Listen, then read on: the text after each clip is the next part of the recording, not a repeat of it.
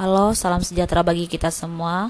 Perkenalkan nama saya Rotua Sonang Simamora SAG, peserta Lasar CPNS Angkatan 11 Kelompok 1 nomor absen 2, Kabupaten Deli Serdang tahun 2021 yang diselenggarakan oleh kerjasama antara BPSDM Provinsi Sumatera Utara dan LPP Agro Nusantara Medan. Podcast ini merupakan tugas individu pada agenda 2 yaitu nilai-nilai dasar ASN yang diampu oleh Ibu Dr. Dumasari Harahap SH MSI. Pada kesempatan kali ini saya akan membahas penerapan nilai-nilai dasar akuntabilitas dan nasionalisme di unit kerja saya. Saya merupakan guru pendidikan agama Katolik di UPT SPF 101 788 Marinda 1 Patumbak Kabupaten Deli Serdang. Proses belajar mengajar di masa COVID-19 ini atau di masa pandemi COVID-19 ini dilakukan secara daring. Bahwa kita tahu dalam proses belajar mengajar melalui daring ini diperlukan sekali yaitu Android.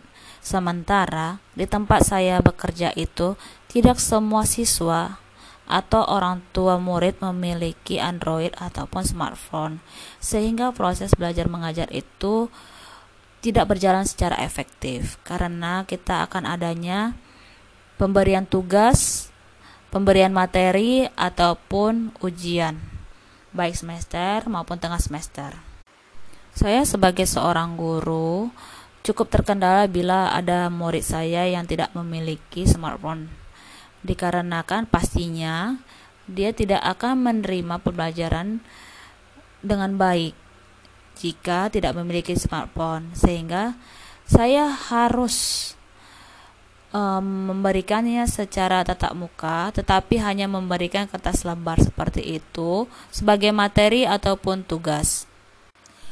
Untuk hal yang lebih sulit lagi yaitu bila terjadi adanya praktek karena murid saya di SD itu hanya berkisar 10 orang dan mereka dulunya lebih banyak menerima pengajaran agama Kristen Protestan sehingga saya harus memulai semuanya dari dasar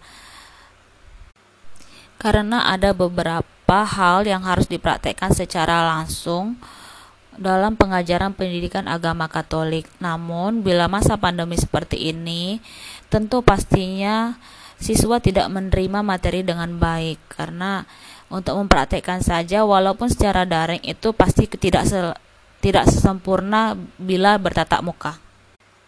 Tentu saja saya tetap mengusahakan supaya tetap adanya praktek walaupun melalui daring dengan mengirimkan siswa mengirimkan video-video misalnya praktek untuk membuat doa ataupun membuat tanda salib sebagai lambang bahwa dia seorang Katolik.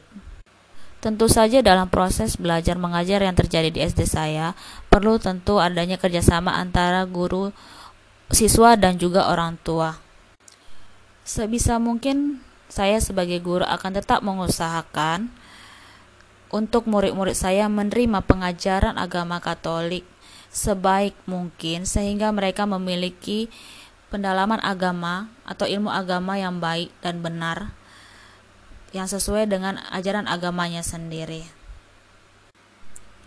Demikianlah podcast modul Demikianlah podcast penerapan nilai-nilai dasar akuntabilitas dan nasionalisme di lingkungan kerja saya.